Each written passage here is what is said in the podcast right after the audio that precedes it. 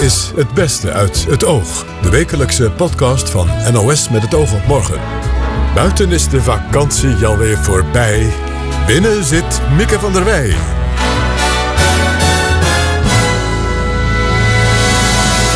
Ja, hartelijk welkom bij de podcast van het oog. De leukste of de interessantste gesprekken van de afgelopen week op een rij.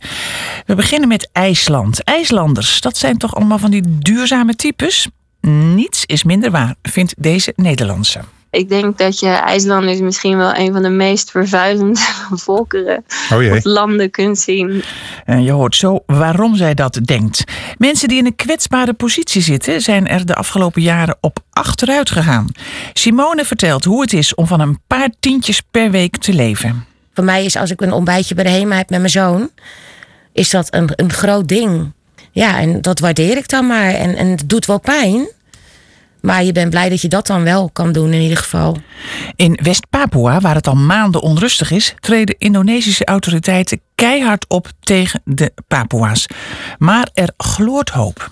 Als ik zie wat, eh, hoeveel jongeren zich nog steeds verzetten, dan, eh, dan vind ik dat heel eh, bijzonder en dapper vooral ook. Cultuurhistoricus Nancy Jouwe vertelt hoe de opstandige provincie ervoor staat. Maar eerst Rutte in een t-shirt en de rest in een polo of een luchtig blouseje. De jaarlijkse hijsessie van het kabinet stond weer op het programma. Politici grepen die gelegenheid maar al te graag aan om hun vrije tijdskleding te laten zien. Wilfried de Jong vroeg aan minister Carola Schouten of ze ook nog serieuze zaken hadden besproken. Het is altijd wel de, de enige gelegenheid van het jaar ongeveer waarop wij eh, in vrije tijdskleding eh, kunnen verschijnen. Ja. Dus daar, nou, die kans die grijpen sommigen met beide handen aan. Ehm, maar tegelijkertijd hebben we het gewoon ook natuurlijk gewoon over inhoudelijke plannen. eh, ehm, nou, wat de uitdagingen zijn voor volgend jaar. Maar ook nou ja, gewoon met elkaar hoe het met iedereen gaat. Ja, en dan is het natuurlijk ook wel weer nieuws van wat voor schoenen heb je aan. En nou, de minister-president op Gimpen, dat is dan ook altijd weer heel nieuwswaardig. Ja, dat hoort er dan ook wel weer een beetje bij. Eh, maar het is meer gewoon om, om te laten zien, ja, weet je, we, we beginnen in een informele sfeer. En de sfeer was ook heel goed. Dus eh het was een mooie dag. Wat, wat vond u van de t-shirt van eh, premier Rutte? U heeft hem wel heel goed bestudeerd. Nou, ik schrok daar een beetje van, ja. Nadenken. Is dat zo? Ja, ik Nou, kan niet had- zo goed meer heugen wat voor t-shirt hij aan had. Nou, eh, me wat mij met name opviel dat het strak zat, maar dat kan hij wel hebben. Maar het is zo'n heel hoog rond boordje, dat zat eigenlijk al tegen zijn ademsappel aan. Ik zou dan een V nemen. Oh, ja, ik, ik eh, moet zeggen dat ik op die manier niet naar onze minister-president kijk. Maar eh, ik zal eh, de tip even doorgeven aan hem. eh, dat hij daar Nee. de volgende keer op moet letten. Ja, tot zover de kledingen. Maar goed, u, u, zegt net, er is veel pers, er worden veel foto's gemaakt. Is even, hè, is een beetje de start van het seizoen, gevoel. Wat gebeurt er nou nog meer op zo'n sessie? Op een gegeven moment ga je toch wel even een paar keer serieus in gesprek met wat mensen wellicht. Ja, ja, nou goed, we, hadden, we, hadden natuurlijk, we waren niet voor niets naar Oosterwijk gegaan. Dat had ook wel een reden. Eh, dat is natuurlijk ook de plek waar ehm, eh, 75 jaar geleden voor het eerst eigenlijk weer een, de Nederlandse regering in toen de vorm, dat was ook nog voor een deel, eh, Zuid-Nederland was bevrijd, boven de rivieren nog niet. En dat daar kabinet weer gezien had. En dit is natuurlijk ook een jaar waarin we 75 jaar eh, vrijheid ook wel weer vieren. En nou, dat is toch ook wel een moment om bij stil te staan. Overigens had minister Grapperhaus er ook nog een heel mooi en bijzonder verhaal bij. Eh, die vertelde dat zijn voorouders eh, in Den Bosch woonden. En eh, dat is in 1944 is de straat waar zijn familie woonde gebombardeerd. Zijn vader, of zijn opa, of, de voorvader in ieder geval, die had door dat dat niet goed ging, is toen gevlucht naar Oosterwijk en had daar ook een huisje in de buurt. Dus voor hem was dat ook een hele persoonlijke lading, zeg maar, aan eh, de locatie Ja, waar we waren. bijzondere de plek voor waren. Ja. Ja, en het mooie was ook, en dat vertelde hij, ehm, hij heeft nu deze zomer ook een kleinzoon gekregen. En toen eh, dat huis gebombardeerd is, ehm, is daar eh, later nog een, wat, wat bestek gevonden. En dat heeft hij nu aan zijn kleinzoon weer doorgegeven, die onlangs geboren is. Dus nou ja, er komen ook gewoon persoonlijke verhalen. maar ja, we hebben het natuurlijk ook gewoon over inhoudelijke zaken over het Ja. land. Maar kom je dan echt al tot, tot dossiers die je bespreekt op zo'n moment? Nou, we hebben eh, deze week en volgende week ook dat we echt alle begrotingen ook bespreken in de ministerraad. Dus daar ga je echt heel erg in detail gewoon kijken per begroting van wat zijn de zaken die spelen. Maar we hebben het bijvoorbeeld ook wel over van, nou ja, wat, uh, wat uh, zeg je ook in de troonrede, wat geef je daarin mee?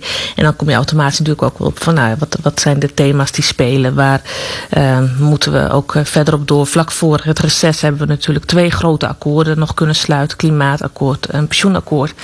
Maar daarmee zijn wij nog lang niet klaar. Er zijn nog veel zaken die ook om een antwoord vragen. Bijvoorbeeld ook ten aanzien van de woningmarkt. Ja, dat zijn zaken die je op zo'n dag dan ook wel bespreekt. Premier Riot had het vandaag over accenten zetten, hè, zoals hij dat noemde. Uh, wat, wat, zou u voor, zelf voor accent willen zetten in de troonrede? nou ja, dat, dat zijn natuurlijk ook de gesprekken die. En uiteindelijk wat er in die troonrede komt, dat horen we natuurlijk allemaal uh, ja. uh, op de derde dinsdag van september. Maar nou ja, zaken die, die urgent zijn, is natuurlijk ook uh, aan de ene kant mensen die zeggen: ja, economisch gaat het wel goed, maar wat merk ik daar nou precies van? En dat is ook wel echt een aandachtspunt voor het kabinet. Dat we ook mensen die nou, ook wel financieel niet makkelijk hebben, dat we daar ook rekening mee houden. Mm -hmm. Maar ook bijvoorbeeld, mijn kind kan geen woning meer krijgen. En um, ja, hoe ziet die toekomst er dan uit? Uh, aan de ene kant lijkt het, als je het gewoon naar de cijfers kijkt, allemaal nou ja, op, op hoog over uh, heel goed te gaan. Maar dat hoeft niet te betekenen dat dat voor uh, mensen zelf ook geldt. En ja, daar zijn wel aandachtspunten. Daar hebben we het ook over met elkaar. Ja. En, en, als ik zeg wat een accentje van u, dan zou, zou dat die woningnood zijn?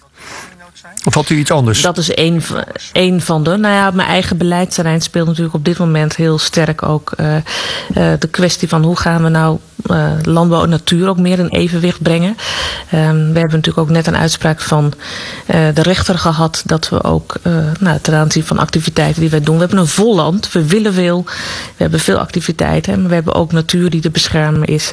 En hoe breng je die zaken dan ook in evenwicht met elkaar? En dat zijn soms ook moeilijke keuzes. In de Indonesische provincie West-Papua is het al maanden onrustig. Indonesische autoriteiten treden hard op tegen demonstranten en het is moeilijk om het gebied binnen te komen. Maar niet voor cultuurhistoricus Nancy Jouwe, want zij is de dochter van een Papua-leider en net terug van familiebezoek. Aan Wilfried, ja, daar is hij weer, vertelt ze hoe ze het gebied aantrof.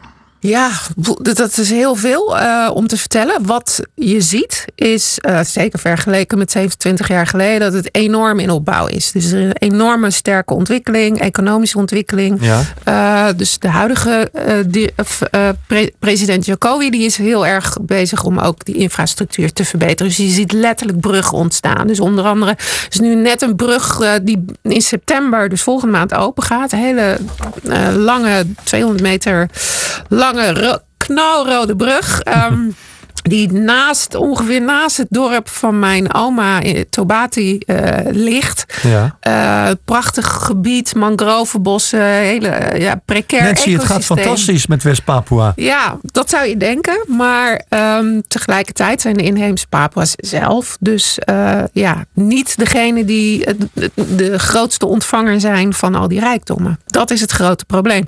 En mensen wonen Maar wie dan wel? De, de mensen die in nou steden ja, wonen? Er of zo? zijn... Um, sinds de jaren tachtig. Uh, Java heeft natuurlijk heel erg te kampen gehad, uh, of nog steeds met overbevolking. Er wonen 100 miljoen mensen op een eiland wat ruim drie keer Nederland is. Dus tel maar na. Mm -hmm. um, en die zijn getranspigeerd uh, naar, zeker naar Papua. Dus er is een enorme influx van, uh, zeg maar, niet-inheemse uh, Papua's. -huh. En die, die hebben zich daar gewoon gevestigd. Ja. En die zijn gewoon ook beter in staat om. Dat zorgt voor jaloezie. E economisch te ontwikkelen. Nou, het gaat niet. Ik denk niet eens jaloezie. Ik denk dat mensen gewoon niet in staat zijn zichzelf te ontwikkelen met die grote aanwezigheid van, van, -huh. van Hoeveel mensen wonen er nu? In totaal ongeveer? De schatting is ongeveer tussen nou ja, 3 en 4 miljoen. Laten we zeggen 3,7 miljoen. En per gebied verschilt het ook weer. Uh, laten we zeggen in het zuiden, Marokko bijvoorbeeld, is, is duidelijk dominantie. Zijn de Papa's al echt in de minderheid. In ja. andere gebieden, zoals in de Hooglanden, zie je dat Papa's wel nog in de meerderheid zijn. Dus het hangt er ook heel vanaf, vanaf waar. Ja. Dus tien jaar geleden was op een gegeven moment een onderzoek wat uh, zei van hé, hey, um, Papa's zijn al in de minderheid. Dat blijkt nu weer wat genuanceerd te worden. -huh. Laten we zeggen gemiddeld 66% is Ja. nog wel Papua, blijkbaar. Maar ehm, ja, culturele dominantie, economische eh, dominantie van, ehm, van Indonesiërs is heel duidelijk. Ja, maar, maar, maar dat is nog wat anders als dat je verhalen hoort over dat, er, dat Indonesië met harde hand de, de vrijheidsdrang van, van, van, de, van de provincie, wat in feite is, West-Papua, de kop indrukt. Wat Ja. heb jij daarvan gezien of van gehoord? Nou, het interessante is dat je dat niet zo heel. eh, Als, als je het. eh, als je een Als je het zoekt, dan argeloze- vind je het eh, Precies, als je als argeloze toerist kun je daar heel makkelijk overheen eh, Ja. kijken. Dat waar, maar waar, waar moeten wij ons dan op baseren? Maar als je bijvoorbeeld eh, even omhoog rijdt, een berg op, dan zie je een hele grote militaire post. De, de, de hoofdkwartier van de militaire commando eh, zit ook eh, vlakbij het vliegveld. En er is een enorme massale militaire aanwezigheid. En die treedt met, meteen op als er iets eh, misgaat. Dat heb ik in eerdere reizen ook, ook wel gezien, meegemaakt. Dan zeiden mensen ook, hou je even gedijst. Ik heb ook een keer op een conferentie daar gesproken. En het zaaltje daarnaast werd iemand gearresteerd, wegge- weggehaald. Ja. Dus die dingen zijn er nog steeds. Ja. Ehm, Maar de getallen daarvan, zijn, zijn, is daar enige duidelijkheid over? Om hoeveel mensen gaat het die vast komen te zitten, die wellicht vermoord zijn? nou ja, goed, kijk, eh, er is een ehm, na de zeg maar overname van Indonesië van Papua, hè, Nederland, dus het vergeten oorlogje van eh, wat John Jansen van Gaal ook heeft beschreven. Daarna zijn in de jaren 70 en 80 grote militaire acties eh, uitgevoerd. De getallen daarover lopen uiteen. Mensen hebben het over een half miljoen, eh anderen hebben het over een paar honderdduizend. Maar er zijn in ieder geval talloze slachtoffers eh, gevallen. Ehm, maar nu ook nog eh, zie je dat op allerlei andere manieren mensen, eh, hè, vrouwen bijvoorbeeld, worden ook eh, ja, heel veelvuldig verkracht, bijvoorbeeld door militairen. Dus er zijn op allerlei manieren is er, is er geweld. En Ja. ehm, er is ook een, ja, mensen, of, eh, een mensenrechtenactivist die een- PhD heeft geschreven, echt over de martelpraktijken van, van militairen in Papua. En eh, ja, daar word je ook echt niet vrolijk van. Dus die, die onderdrukking is er heel duidelijk. Ja, maar, maar zijn, er zijn verschillende bevolkingsgroepen natuurlijk daar in zo'n land. Hè? Want je vertelt er al iets over. Ja. Zijn die eendrachtig in het verzet tegen Indonesië, denk je? Nou ja, Papua's hebben natuurlijk heel snel moeten leren om zichzelf als één volk te zien. Hè? Want in de jaren 40 ja, kenden elkaar, mensen elkaar eigenlijk nog niet. Dus dat nationalisme, Papua-nationalisme is, als, is heel snel ontwikkeld moeten worden. Het maakt ook dat, eh, dat er onderling tussen Papu's ook spanningen kunnen optreden. Dat zie je bijvoorbeeld eh, als je hooglanders in kustgebieden eh, zich ziet vestigen, dan ontstaan daar ook spanningen. Dus er zijn ehm, wat dat betreft op meerdere niveaus denk ik ook wel, is er sprake van, spa- van spanning. Maar het- ik denk het belangrijkste is gewoon toch dat je ziet dat die aanwezigheid eh, van die militaire macht en die politiemacht eh, heel zwaar drukt. Wat moet er gebeuren bijvoorbeeld vanuit Nederland? Hebben, wij, nou, hebben, wij daar, hebben wij daar nog we te hebben daar iets liggen, zou ik maar zeggen? Of we hebben iets te zoeken? Ja. Ja, unfinished business, business, business zou je kunnen Ja, zeggen. ja. Ehm, veteranen hebben het natuurlijk ook over een ereschuld. Ehm, de, de, de ervaring leert dat Nederland in praktijk heel weinig doet, omdat de handelsbelangen het grootst zijn. Het Mhm. is de VOC-mentaliteit in de 21ste eeuw, zou je kunnen zeggen. Ehm, Want er is veel, het is een, het is een, rijk, een rijk gebied. Hè? de grootste goudvoorraad ter wereld ligt in Papua. De Ja. derde kopervoorraad ter Dus wereld. in Indonesië heeft daar belang bij, maar jij zegt Nederland heeft daar ook belang bij. Tuurlijk, er is ook wapenhandel naar Indonesië. Daar zit Nederland ook, eh, ook heel eh, Ja. dicht eh, in. Heb je het in de, na wat je gezien hebt, dat het zou kunnen kantelen? Tussen nu en vijf, tien jaar? Ehm, Of ben je moedeloos? Nou, allebei. Eh, als ik zie wat, eh, hoeveel jongeren zich nog steeds verzetten, dan, eh, dan vind ik dat heel bijzonder en Mhm. dapper vooral ook en hoopvol om te zien. En tegelijkertijd die druk is ook heel groot. Het gaat niet alleen over Indonesië, het gaat ook over multinationals en de druk van de multinationals die daar zitten. Het gaat ook over milieuvervuiling op grote schaal. Het gaat ook over HIV en AIDS eh, epidemie die daar heel sterk heerst. Dus er is heel veel eh, tegelijkertijd aan de hand. Mhm. Ja. En tegelijkertijd is het een prachtig land waar mijn hart enorm van opbloeit. Dus elke keer als ik daar weer voet op de bodem zet. Als je al weinig te besteden had, is dat de afgelopen tien jaar alleen maar minder geworden. Uit een berekening blijkt dat kwetsbare mensen steeds verder in de knel zijn gekomen. Simone Rozier weet er alles van. Ze heeft geen werk meer vanwege rugklachten en moet van 80 euro per week rondkomen. Aan Lucella Carasso vertelt ze wat ze van dat geld allemaal moet doen. Daar moet dus echt dus ook alles van gedaan worden. Dus onder andere een tientje tanken in de week. eh nou ja, mijn boodschappen uiteraard. eh, eventuele medicijnen die ik moet bijbetalen. eh, nou ja, allemaal dat soort dingen. Kleding voor mezelf. Dat moet daar allemaal van gedaan worden. En ook als u naar de kapper wil bijvoorbeeld. Ja, dat was voorheen wel. Ik krijg nu gelukkig. ik heb een thuiskapster, dus dat is lekker goedkoop. Maar dat krijg ik dan één keer in twee maanden, zeg maar, krijg ik dat extra. En als je, als je die kosten meerekent en, en wat zei ook persoonlijke verzorging, kleding, eh, dan blijft er natuurlijk niet veel over voor de boodschappen. Niks, bijna, nee, nee. Dat Want is hoe, echt, hoe eh, pakt u dat aan met boodschappen doen? Eh, ik begin in het weekend vaak al voor de week daarna te kijken nou ja, wat er eigenlijk in de aanbieding is. In eh, welke supermarkten. Dan maak ik meestal een lijstje van. Dat zijn vaak nou ja, een stuk of vier supermarkten die ik af moet. En dan, ja, zo doe ik eigenlijk mijn boodschappen. En dan eh, kijken wat er overblijft. eh, wat er extra gekocht moet worden van wasmiddel of wat dan ook. want dat zijn natuurlijk wel de duurdere dingen. En ja, zo probeer je een beetje je week rond te komen. En, en maakt u soms ook gebruik van de, van de voedselbank die er is? Ja, ja ik, elke donderdag dan, dan kan ik naar de voedselbank toe. Eh, dat is natuurlijk ook eh, heel fijn, maar ook heel beperkt. Je bent afhankelijk van wat hun natuurlijk krijgen. Eh, ja, en de ene keer zit er wel een, een stronkje broccoli bij, bij wat, hè, wat je kan gebruiken. En de andere keer zit er gewoon geen groente bij. En dan moet je dus ook daar dus apart voor ja, gaan kijken van hoe ga ik dat aanpakken deze week. En dus het is, het is heel fijn dat het er is, absoluut. Maar ja, je redt daar niet een volle week mee om ja, je dingetjes van te doen. Hoe was het voor u om daar voor de eerste keer naartoe te gaan? Ehm, de eerste keer toen ik daar binnen stapte, was het heel emotioneel. Zo van, ja, eh, ben ik dan toch zo ver gekomen en eh, eh, ja, had ik het niet kunnen voorkomen, laat ik het zo zeggen. Ehm, maar ja, nu ben ik er gewoon blij mee en het voegt toch voor mij weer dingen toe. Voor de kinderen ook qua eten. eh, Want u, u heeft twee kinderen, hè? Van, Ja, ik- van 16 en 19. Klopt, ja. En eh, ja, die hebben er ook heel veel begrip voor. En eh, begrijpen ook als er een keer een avondje geen groente op tafel kan.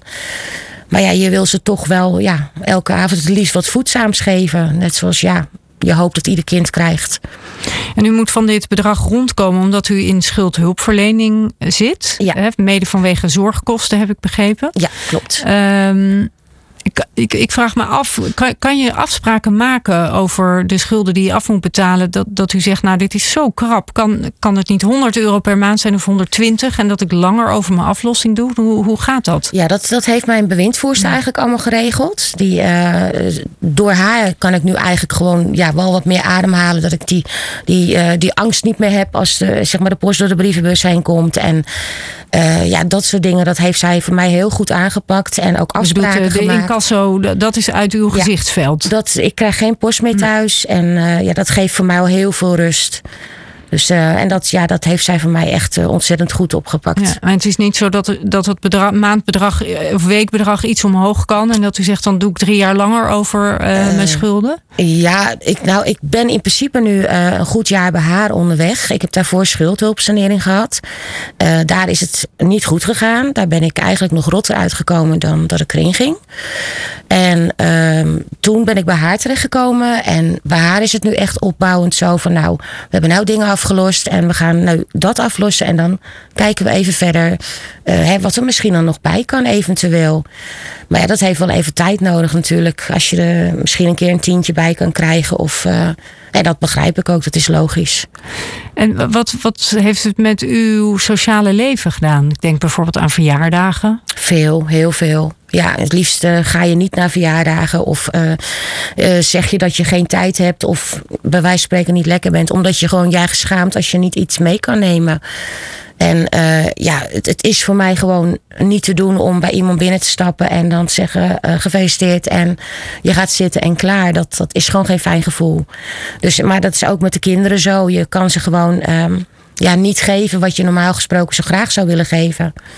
Zoals uitjes, neem ik aan, Ja, vakantie. Vakantie, dat, dat, dat kan niet. Dat, eh, je, je kan nergens heen. En ja, wat ik ook al eerder eh, had aangegeven aan andere mensen. Van ja, voor mij is als ik een ontbijtje bij de HEMA heb met mijn zoon. Is dat een, een groot ding. Dat is voor mij eigenlijk een soort feestje. Dat, eh, ja, en dat waardeer ik dan maar. En, en het doet wel pijn. Maar je bent blij dat je dat dan wel kan doen in ieder geval. En ik heb ook wel mensen die mij echt wel helpen. Eh, mijn moeder die dat me dan eens een keertje wat geeft. Of een zak aardappelen voor me koopt. Of, of een vriendin die zegt van... joh meid, heb je nog een pak koffie of zo? Maar ja, je merkt het wel in je, in je sociale leven met alles. Met je vrienden en, en ja. Knap van u dat u er zo over vertelt. Hoe is dat voor u? Tenminste, ik vind het Ehm, knap dat u daar zo Ja, open over kan praten. Nu kan ik het wel. Als je het een jaar geleden eh, had gevraagd, dan had ik misschien wat terughoudender geweest. Maar ik ben er nu gewoon, ja, ik berust erin en ik weet dat er ooit wel een keer een einde aan komt. Het is niet makkelijk. Dan heeft u daar zicht op wanneer er een einde aan kan komen. Ehm, het gaat nu best wel heel goed eh, met de aflossingen. En eh, ik denk dat ik nog wel een jaar of twee zeker wel bezig ben. Wil ik echt door alles heen zijn en dat alles weer een beetje op de rit is. Maar ik heb daar wel vertrouwen in en zeker met mijn bewindvoerster. Ja. Nou ben ik niet van de afdeling dat ieder eh, leed of moeilijke situatie iets moois oplevert. Hè? Want Mhm. nou ja, dat, dat, dat wordt natuurlijk altijd gezegd. is niet altijd zo. Hoe is dat bij u? Ehm, Want vaak maak je het liever niet mee. Nee, ik, ja, ik had dit liever ook natuurlijk niet meegemaakt. En zeker niet omdat ik eh, kinderen heb. Ehm, daar vind ik het eigenlijk nog het ergste voor. Maar ehm, ik denk wel dat ik hier sterker uit gaat komen. Je hebt een bepaalde fase meegemaakt eh, die je niemand eh toewenst eigenlijk. En ja, je leert er wel van. Zeker wel. En wat is de belangrijkste les voor u? Ehm, de belangrijkste les is denk ik ook wel dat je, ehm, hoe het ook gaat en hoe slecht je er ook voor kan staan, ehm, je moet gewoon sowieso vol blijven houden. En er komt ooit een eind aan. En met de hulp van mensen om je heen, ja, gaat dat zeker wel lukken. Een, eh, een mooie les voor iedereen. Kopstukken uit de IJslandse politiek en culturele sector waren aanwezig op de herdenking van gletsjer Okjokul. Lenke Meijer woont al vier jaar op IJsland en vertelde wat er van de Ok over is. Er is eh, een klein beetje ijs over, maar dat heet een eh, dode gletsjer op het moment. En er is niet echt iets over. Het is meer een, eh, ja, het is wel een beetje treurig. Want wa- Eh, waarom heet dat een dode gletsjer dan? Een, een gletsjer is een, een heel, eh, heel complex systeem. Het is echt een, een, een, een ijspak dat, dat uitzet en dat weer, eh, dus weer kleiner wordt. En, en hoe een gletsjer zich gedraagt, dat, dat doet ook niet meer. Er is nog een klein beetje ijs, maar dat is gewoon langzaam aan het smelten en dat is het. En ik weet niet hoe lang jij al op IJsland woont, maar heb jij dat de laatste jaren echt steeds harder zien gaan met de, de Okjokul? Inmiddels wonen we hier iets meer dan vier jaar. En, eh, we krijgen natuurlijk veel bezoek, dus we maken veel uitstapjes. Ja. En eh, niet ook Jeukel alleen, maar ook eh, de andere gletsjers. Bij Vatnajökull heb je ook een hele lange gletsjer. En daar zie je echt, eh, ja, je moet elke keer een aantal stappen meer zetten om bij de gletsjermond te komen, zeg maar. Ja. Je, je, het is wel echt zichtbaar. Je ziet ze voor je ogen verdwijnen. Ja. Ja, Hoeveel, hoeveel gletsjers zijn er nog op IJsland? ja, als je elke uitloper bijtelt, zit er in de honderden. Maar de grote plakkaten heb je een stuk of 15 of zo. Hmm. En er is één hele grote, dat is Vatnajökull. En dat is in het zuiden, eh, ja, het zuiden van IJsland. En dat is eigenlijk een ijskap. En daar is het dikste, dikste deel is iets van 1000 meter. Ja. En, eh, en dat, is, ja, dat is nog veel erger. En dat is iets wat mensen zich niet echt realiseren. Maar als die kap eraan gaat, en dat zal waarschijnlijk gebeuren in 200 jaar. Ja. eh, die ligt ook bovenop een aantal vulkanen. En, die dikke gletsjer fungeert ook een beetje als een soort van kurk op die eh, fles. Hmm. Dus als, als die dan ook nog eens weggaat, dan zullen, zullen er nog veel meer problemen komen. Hoe belangrijk zijn de gletsjers verder voor, voor het land? Uh, heel belangrijk. Uh, IJsland is heel erg trots op zijn groene energie. Wat uh, tegelijkertijd ook altijd een beetje het excuus is van... oh, wij zijn wel groen genoeg, want we hebben groene energie. En die energie die komt allemaal van die gletsjers af. of niet allemaal, veel. Dus veel gletsjerrivieren worden gebruikt... om reservoirs voor te van te maken voor... Ehm, ja, dus water... hoe noem je dat? Hydropower ja. installaties. Waterkracht, ja. Ja, waterkracht. Denk ik. En um, ook het water van de gletsjers, uh, omdat het, het, land hier is heel nieuw. Dus het is heel erg basalt. Het is een bepaald soort steen. En Ja. het zijpelt er eigenlijk door, waardoor het heel schoon drinkwater is. Dus er is vers water in overvloed. Uh, en daar zijn we natuurlijk ook afhankelijk van. Ja, dus echt dus- voor energie en drinkwater. En, uh, ja. Dus, dus, dus eh, met het verdwijnen van de gletsjer eh, verdwijnt ook nog eens een hele duurzame energiebron voor, eh, voor IJsland. Zeker. Ja. Maar voordat die helemaal verdwijnt, zal die natuurlijk eerst harder smelten, waardoor er dus nog meer water beschikbaar is. Ja, ja. Dus het is altijd een beetje scheef. Het ligt maar Hmm. net aan hoe, hoe ver je naar vooruit kan kijken. Ja. Maar ik begreep Eh. dat bij, bij eh, die Okyokul een klein monumentje is neergezet. En dat de IJslandse premier daarbij aanwezig was. Dus dat, dat, dat was meer dan een ludieke actie dus. Dat is zeker meer. Er zijn heel veel eh, actiegroepen in IJsland die echt aandacht proberen te vestigen op dit soort dingen. Veel eh, ja, wetenschappers ook. Ehm, maar we zijn een beetje een, een, een klein land en er wordt wel makkelijk altijd dingen geroepen. Maar om echt actie te voeren en wetten te maken is soms wat minder. Maar goed, het, Hmm. het was een groot moment. En het is ook echt eh, aangejaagd door buitenlandse wetenschappers om dit moment zo eh, in te stellen. Premier was aanwezig, eh, bekende schrijver Andries, Andries Nijer was er ook. De oud-president van Ierland was aanwezig. Kunstenaar Oliver Eliasson was aanwezig, zag ik. Dus het waren allemaal grote namen die ook bij elkaar kwamen. En dus hier zich hard voor maken Ja. om, om deze, ja, om- hier, ja, deze gewaarwording een soort van bekend te maken. Ja. En we zijn afhankelijk hiervan. Ja, want is, is duurzaamheid een belangrijk thema op IJsland? Is, is IJsland heel duurzaam? Eh, ik denk dat je IJslanders misschien wel een van de meest vervuilende volkeren Oh of landen kunt zien. Eh, het is een beetje een misconceptie als je het aan mij vraagt. Het is wat ik net zei, het is heel makkelijk recht praten omdat we alleen maar groene energie hebben. En dat, dat is wel echt waar. En er worden heel veel nu elektrische auto's gekocht. Zeg maar, eh, zeg maar percentueel het eerste land na Noorwegen dat elektrische, zoveel elektrische auto's aanschaft. Maar iedereen bekijkt het ook altijd maar per capita hier. En verder, als je ergens heen wil, moet je altijd vliegen. Dus eh, Ja. veel mensen vliegen met de goedkope vluchten. Vervolgens hebben we ook nog een hele grote zeegebied waar we vissen. Dus er zijn heel veel eh, vissersschepen. En Hmm. de visserij is toch wel de ja, grootste economie hier. Of één na grootste. Ja. Dus eh, het is, het, het is eh, behoorlijk vervuilend. Ja, dus Mensen eigenlijk is wel- IJsland een beetje bezig om zijn eigen gletsjers op te stoken. Eigenlijk wel, als je het mij vraagt. Maar eh, daar zullen we het zelf niet helemaal eens mee zijn. Nee. D- Dat is wel een beetje We het houden ding dat ze dus. Ja, de ideeën hebben ze wel, maar de acties eh, die moeten er nog even bij. En tot slot, voor al die mensen van wie deze week uit onderzoek bleek dat ze moeilijk in slaap vallen, gaan we naar het archief van het oog, naar de yoga-oefeningen van Dr. Rama Polderman. Even ontspannen voor het slapen gaan.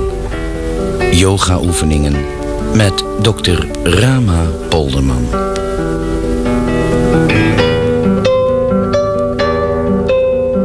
Ga zo makkelijk mogelijk op de grond liggen en plaats een kussen onder de knieën. Voel even bewust hoe de houding is en waar er eventueel nog spanning te voelen is. Sluit nu de ogen en dan gaan we in gedachten onszelf voorstellen als een zeepbel. Vederlicht.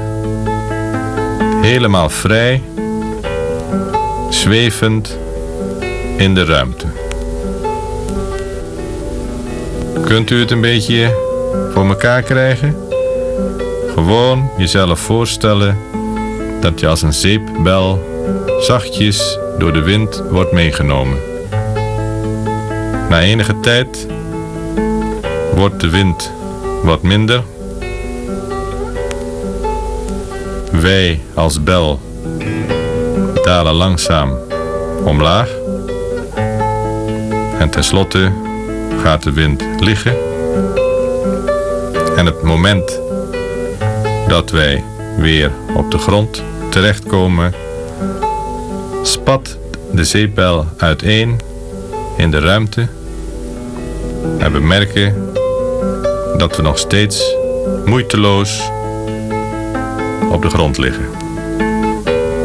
Volkomen vrij van spanning, helemaal stil en in harmonie met de omgeving. Nou, wat een heerlijke radio. Ik was er bijna bij in slaap gevallen. Gelukkig nog net niet, want dan kan ik u nog bedanken voor het beluisteren van deze podcast en vertellen dat er volgende week weer één is. Dag.